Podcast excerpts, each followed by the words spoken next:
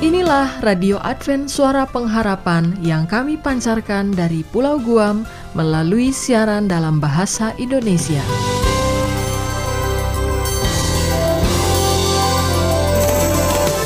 Salam sejahtera kepada saudara pendengar di mana pun Anda berada. Selamat berjumpa kembali dengan kami Radio Advent Suara Pengharapan.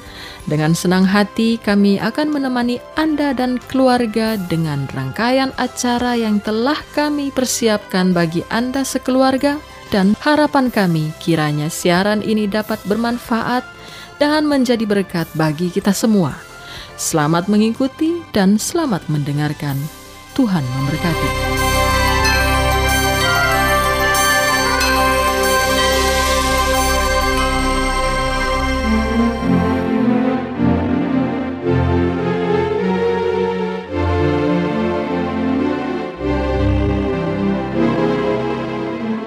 Saudara pendengar yang setia Radio Advent Suara Pengharapan Saat ini tibalah kita di acara kesehatan. Besar harapan kami agar program acara ini boleh menambah pengetahuan kita semua. Karena kita tahu bersama bahwa di dalam tubuh yang sehat terdapat jiwa yang kuat. Namun sebelumnya mari kita mendengarkan lagu pujian yang berikut ini. Selamat mendengarkan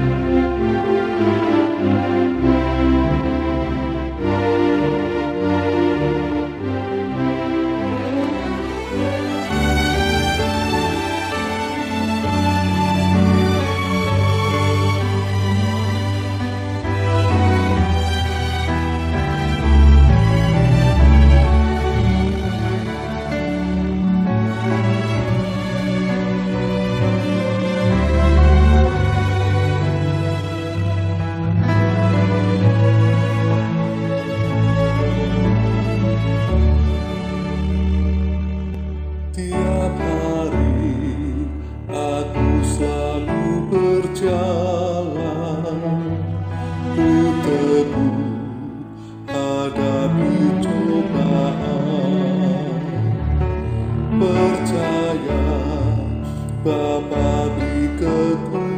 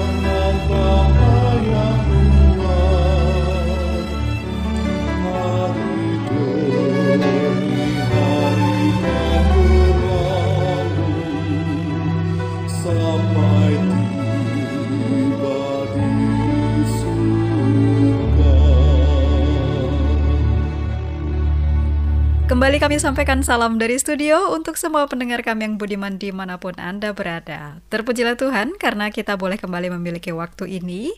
Dan saya yang bertugas Ayura, sangat berbahagia karena kita boleh bersama-sama ya. Saya akan menemani para pendengar semuanya untuk melanjutkan topik bahasan kita tentang kesehatan. Sekarang yang akan kita ikuti bersama adalah, dan saya yakin semuanya setuju nih ya, karena eh, pasti ingin untuk terhindar dari penyakit jantung. Oleh sebab itu, yang akan kita ikuti bersama adalah strategi ampuh untuk mencegah penyakit jantung ya. Karena saat ini penyakit jantung memang bukan sesuatu hal yang uh, asing, itu bahkan disayangkan. Kalau saya katakan disayangkan karena jadi sudah masyarakat ya, padahal seharusnya tidak perlu demikian. Namun, kabar baiknya adalah penyakit jantung dapat dicegah dengan menjalani pola hidup jantung sehat. Oleh sebab itu, yang akan kami sampaikan adalah lima strategi untuk melindungi jantung kita masing-masing ya. E, karena waktu yang terbatas, kita tidak bisa menyampaikan langsung sekaligus lima strategi ini. Oleh sebab itu, saya ingin mengingatkan para pendengar sekalian bahwa ini nanti kita akan bagi menjadi beberapa pertemuan ya, sehingga hal ini uh, perlu Anda juga ingat baik-baik supaya tidak melewatkan siaran kesehatan. Nah, jadi uh, kita ikuti saja dahulu strategi yang pertama. Strategi yang pertama adalah lebih kepada uh, pola tidak merokok atau mengkonsumsi produk tembakau. Namun sebelumnya, mari kita ikuti lebih dahulu, cermati sejenak untuk fakta-fakta yang terjadi pada penyakit jantung ya. Memang sih datanya penyakit jantung ini eh, dapat mengakibatkan kematian tidak hanya pada pria tapi sekarang pada pria dan wanita. Jadi dua jenis kelamin ini semuanya sudah uh, terpapar kepada risiko sakit jantung. Dan seperti tadi sudah disampaikan bahwa sebetulnya ini adalah dapat dicegah ya. Dan faktor risiko penyakit jantung itu menurut dunia kedokteran ada beberapa. Seperti keturunan, lalu umur dan ras ya. Um, kalau yang tiga ini tidak dapat dihindari, itu memang sudah tidak bisa dikelola. Tetapi ada banyak faktor lain yang dapat diantisipasi dengan berupaya untuk memilih mengontrol pola hidup kita sendiri ya. Jadi um, tadi disebutkan langkah pertamanya adalah berhenti merokok. Lalu rutin berolahraga, mengkonsumsi makanan yang sehat, menjalani pola hidup jantung sehat, itu bisa menjadi pilihan yang sangat baik dan tepat untuk melatih jantung kita menjadi fit. Nah, sekarang kita mulai ya dengan strategi yang pertama, yaitu berhenti merokok atau tidak merokok.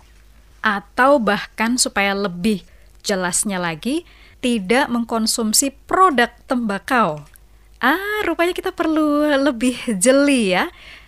Siapa tahu tembakau tidak hanya ada di dalam produk yang namanya rokok. Baik, kalau memang saat ini yang mendengarkan adalah uh, masih merokok, himbauan ini bukan saja himbauan ya, tetapi ini adalah satu peraturan berhenti merokok.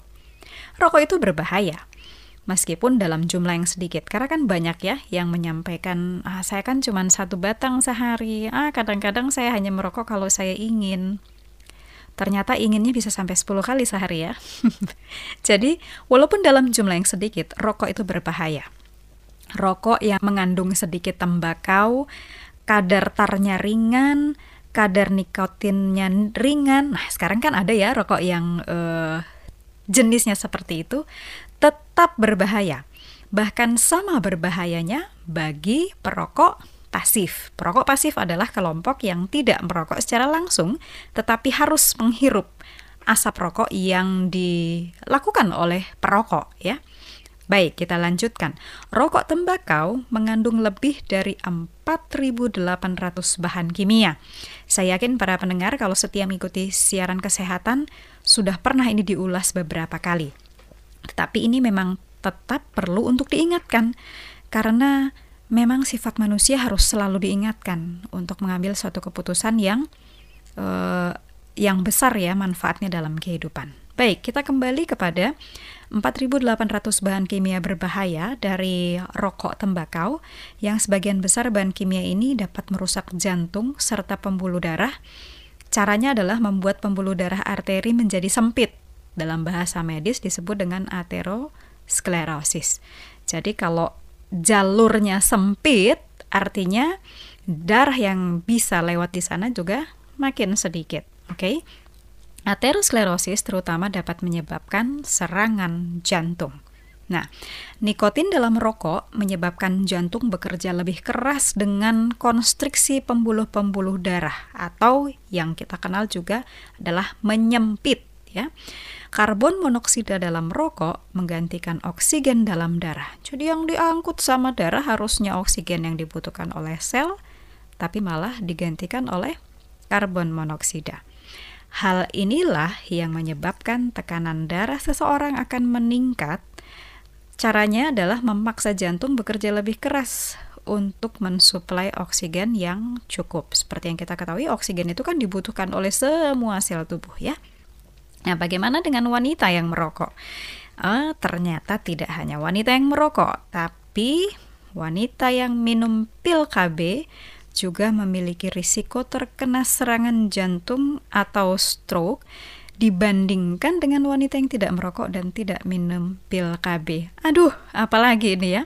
Ya, itu memang e, sangat mempengaruhi hormonal wanita pada saat dia mengkonsumsi atau minum pil KB sehingga boleh konsultasi dengan petugas kesehatan apa alat kontrasepsi yang cocok untuk wanita selain pil KB ya. Mungkin ada cara-cara yang memang kita perlu upaya lebih uh, tetapi lebih aman. Karena ini memang uh, belakangan ini sudah semakin ditemukan bahwa risiko terkena serangan jantung lebih tinggi. Risiko ini meningkat seiring dengan bertambahnya usia. Ini bagi wanita juga terutama setelah 35 tahun. Nah, tapi para pendengar yang budiman tetap ada kabar baik Kabar baiknya apa? Kalau kita berhenti merokok, maka risiko terkena penyakit jantung menjadi berkurang dalam satu tahun. Paling tidak satu faktor risiko sudah hilang ya. Itu strategi pertama. Namun sebagaimana tadi yang saya sampaikan, tidak mungkin dalam waktu uh, singkat ini kami bisa sampaikan semua strateginya. Oleh sebab itu, kita hentikan dahulu untuk bahasan strategi ampuh mencegah penyakit jantung yang pertama, karena kita akan lanjutkan pada pertemuan berikutnya. Terima kasih untuk perhatian Anda semua. Saya sangat berharap bahwa kita tetap memilih pilihan yang baik untuk menjaga kesehatan, bahkan meningkatkan kesehatan kita. Sehingga kalau kita sehat, orang bisa melihat bahwa kesehatan kita adalah pancaran dari kasih karunia Tuhan. Sekali lagi terima kasih dan selamat bertemu kembali nanti pada kesempatan yang berikut. Sampai jumpa, Tuhan memberkati kita semua.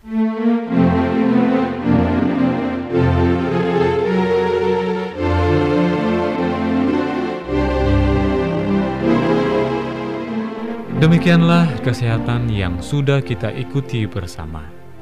Semoga boleh bermanfaat bagi kita semua di dalam kehidupan kita.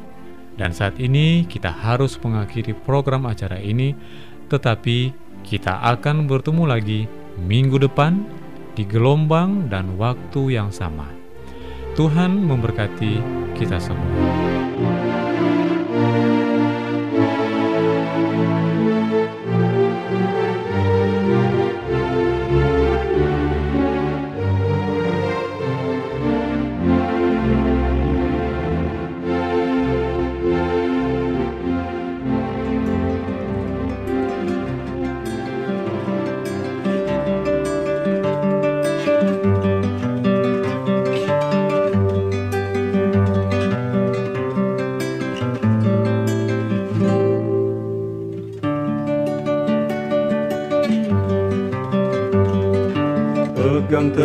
Janji Kristus Rajaku. Mari puji dia selama-lamanya. Bukan nyanyi puji kemuliaanmu. Ku pegang teguh janji Allah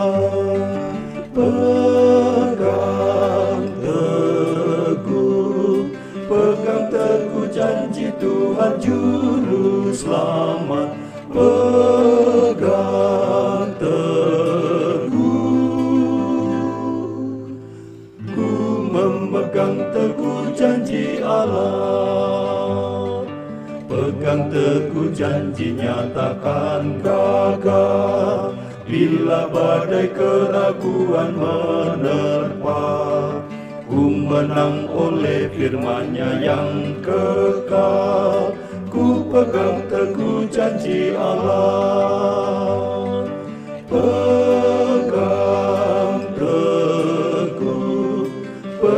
teguh janji Tuhan Juru Selamat Pegang teguh. Ku memegang teguh janji Allah. Peganglah teguh janji Kristus Tuhan. Jalin tali kasihmu kepadanya Dengan pedang roh dapat kemenangan. Ku pegang teguh janji Allah. Pegang teguh Pegang teguh janji Tuhan Juru Selamat. Pegang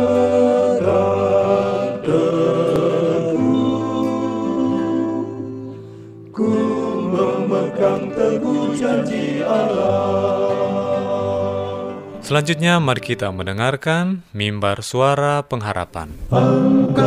Diri dan Yesus mau datang segera Nyanyi musafir dan pujikanlah Yesus mau datang segera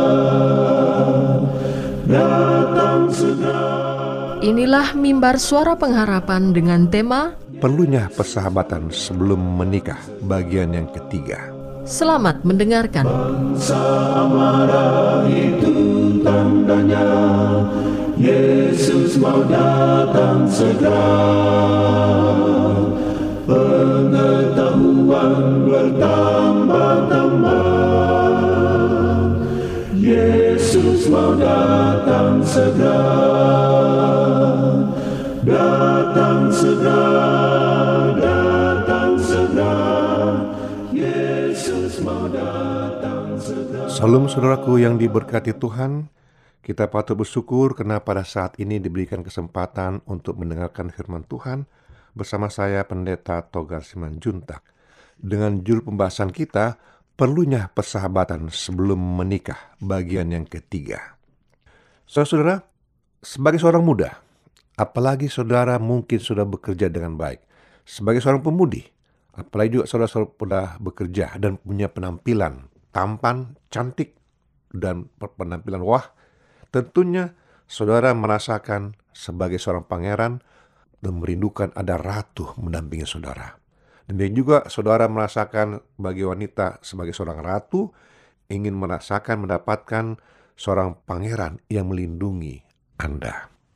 Nah, satu poin yang paling utama saya sampaikan bersama saudaraku. Baik Anda pria maupun wanita. Jika saudara merasa aman dan nyaman ya bersama-sama ya damai dalam setiap saudara bertemu, bergaul, maka ada satu titik kesamaan kerinduan kalian untuk bisa menjadi pacar dan menjadi pasangan hidup yang diberkati. Tetapi jika setiap pertemuan terjadi, Anda berdua tidak merasa aman, nyaman, damai, dan tidak merasa bahagia, selalu ada uh, ya katakanlah perang ataupun apa namanya itu, yang penting perselisihan, keributan, maka perlu dipertimbangkan dengan baik. Anda punya rencana untuk menjadi pacar, seorang pacar ataupun rencana untuk menikah. Nah, saudaraku, jika saudara mempunyai pikiran itu, maka saudara harus mengkoreksi diri lebih dahulu. Kira-kira apakah kelebihan saya yang bisa untuk membahagiakan pasangan saya nanti? Banyak orang berharap bahwa perkawinan akan memecahkan semua persoalan hidup. Saya ulangi, banyak orang berharap bahwa dalam pernikahan yang kudus itu mereka mengharapkan memecahkan semua persoalan hidup. Lagi pula kita merasa kesepian karena merasa kesepian di dunia yang luas ini. Banyak orang katakan demikian. Tapi mereka lupa bahwa pernikahan itulah sekolah seumur hidup. Semua seumur hidup. Lalu kalau dia menikah hanya untuk sekedar prestis pasangan, maka itu juga akan sia-sia. Tapi kalau dia menikah karena dia merasa dicintai dan merasa juga mampu mencintai, orang mampu memberikan kebahagiaan kepada pasangannya, maka dikatakan mereka tidak akan luput ya, mereka tidak akan luput juga dari masalah-masalah. Tetapi hal itu semua saudaraku tidak membuat dia itu kesusahan, ya tidak susah. Nah, saudaraku, setidak-tidaknya saudara ada satu harapan. Jika saudara sudah punya sahabat persahabatan yang baik, lalu menjadi pacar, setidak-tidaknya saudaraku, saudara sudah ada satu titik pengharapan, satu poin untuk bisa masuk ke jenjang pernikahan. Karena orang sudah bisa bersahabat dengan baik, lalu bisa menuju kepada pacaran, dan ada rencana menikah, ada titik poin untuk melangkah ke pernikahan karena mereka merasa dicintai dan mencintai. Tetapi jangan lupa, setiap saat persoalan hidup akan selalu menerpah saudara.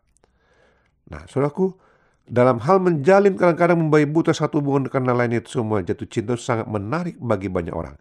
Ribuan orang menanti dengan penuh harap akan datang cinta agar mereka bisa lepas dari masalah-masalah mereka. Ya, benar. Kalau Maya katakan tidak heran, kalau orang punya rasa jatuh cinta, rasa dicintai dan mencintai, maka itu akan bisa menaklukkan semua masalah-masalah yang datang dalam kehidupan mereka berdua. Bisa, sanggup mereka. Mereka berpegangan tangan dan bergandengan dengan manis dan saling tolong menolong. Tapi jika saudara hanya bergantung kepada impian, harapan, masa depan dari pandangan Anda sendiri, mari katakan itu akan sia-sia. Akan membuat saudara melihat kenyataan kelak, ya khususnya terhadap diri, dan akan membuat saudara hancur. Nah, asal pikirkan orang seperti apa saya ini sebenarnya. Apa yang ada dalam diri saya? Apa tujuan saya? Apa nilai saya? Dan keyakinan apa saja yang bisa saya sampaikan? Dan poin-poin kebahagiaan apa saya bisa sampaikan kepada pasangan saya? Dan ke mana tujuan hidup kami bersama? Apakah kami sekedar menikah karena sekedar hanya untuk hidup bersama? Ya supaya punya sekedar dapat keturunan? Dan dapatkah kami mempertanggungjawabkan pernikahan kami kelak di hadapan Tuhan dan sama manusia khususnya kepada orang tua, keluarga? Nah, apakah engkau uh, percaya kepada perasaan sendiri dan percaya kepada perasaan dari pasanganmu? Apakah engkau menolak menikah hidup bahwa engkau perlu perbaikan, perubahan? Adakah sesuatu atau seseorang yang menghalang engkau untuk menjadi suatu pribadi yang kau inginkan?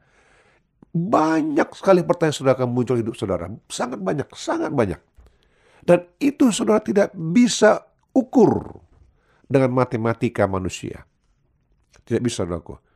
Dan siapa dan apa dirimu saudaraku menentukan pencarianmu terhadap pasangan atau persahabatan dan pacaran lalu pernikahan. Dan pertanyaan-pertanyaan itu kalau engkau selalu merasa merasa mampu, merasa hebat, maka engkau akan sama seperti katak dalam tempurung yang merasa dirinya cukup senang, ya. Apalagi kalau mungkin dia rasa nyaman situ, ya. Hati-hati. Atau saudara pernah dengar ilustrasi katak dimasukkan dalam suatu koli besar yang dingin, lalu dipagar dari bawah kompor apa ada api pasang, dia begitu nikmat menikmati api air ini berenang sana kemari tanpa disadari air itu makin lama makin panas, makin panas mendidih dan akhirnya kata itu mati. Dia tidak sadar. Nah, saudaraku, jangan membuat kecenderungan hanya berdasarkan perasaanmu sendiri. Tapi memang itu perhatikan perasaanmu, perhatikan buah pikiranmu bahwa engkau harus melibatkan pasanganmu bersama-sama dalam hal memecahkan masalah atau mengambil keputusan, punya rencana pilihan-pilihan saudaraku itulah menyangkut tiga keputusan besar yang saudara tadi sampaikan itu. Ya, engkau lihat apakah engkau siap untuk berkencan, berpacaran dengan pasanganmu? Apakah kemungkinan engkau mencintai dia dengan sungguh-sungguh atau sekedar pas formalitas? Ya, adakah engkau bisa membahagikan dia? Saudaraku, pertanyaan-pertanyaan ini saudara bisa dapatkan dalam konseling pranikah ataupun konseling sudah saudara menikah. Ya, mungkin saudara perlu pendengar itu. Saudara bisa hubungin kami ya bisa hubungi kami. Kami akan siap untuk melayani saudara dalam konseling pernikahan atau pranikah dalam hidup saudara. Nah, saudaraku, jika saudara mau didoakan ataupun ada hal-hal saudara mau tanyakan, hubungi kami tim pelayanan mimbar suara pengharapan. Dengan penuh sukacita kami selalu melayani mendoakan saudara. Salam saudaraku, Tuhan berkati. Amin.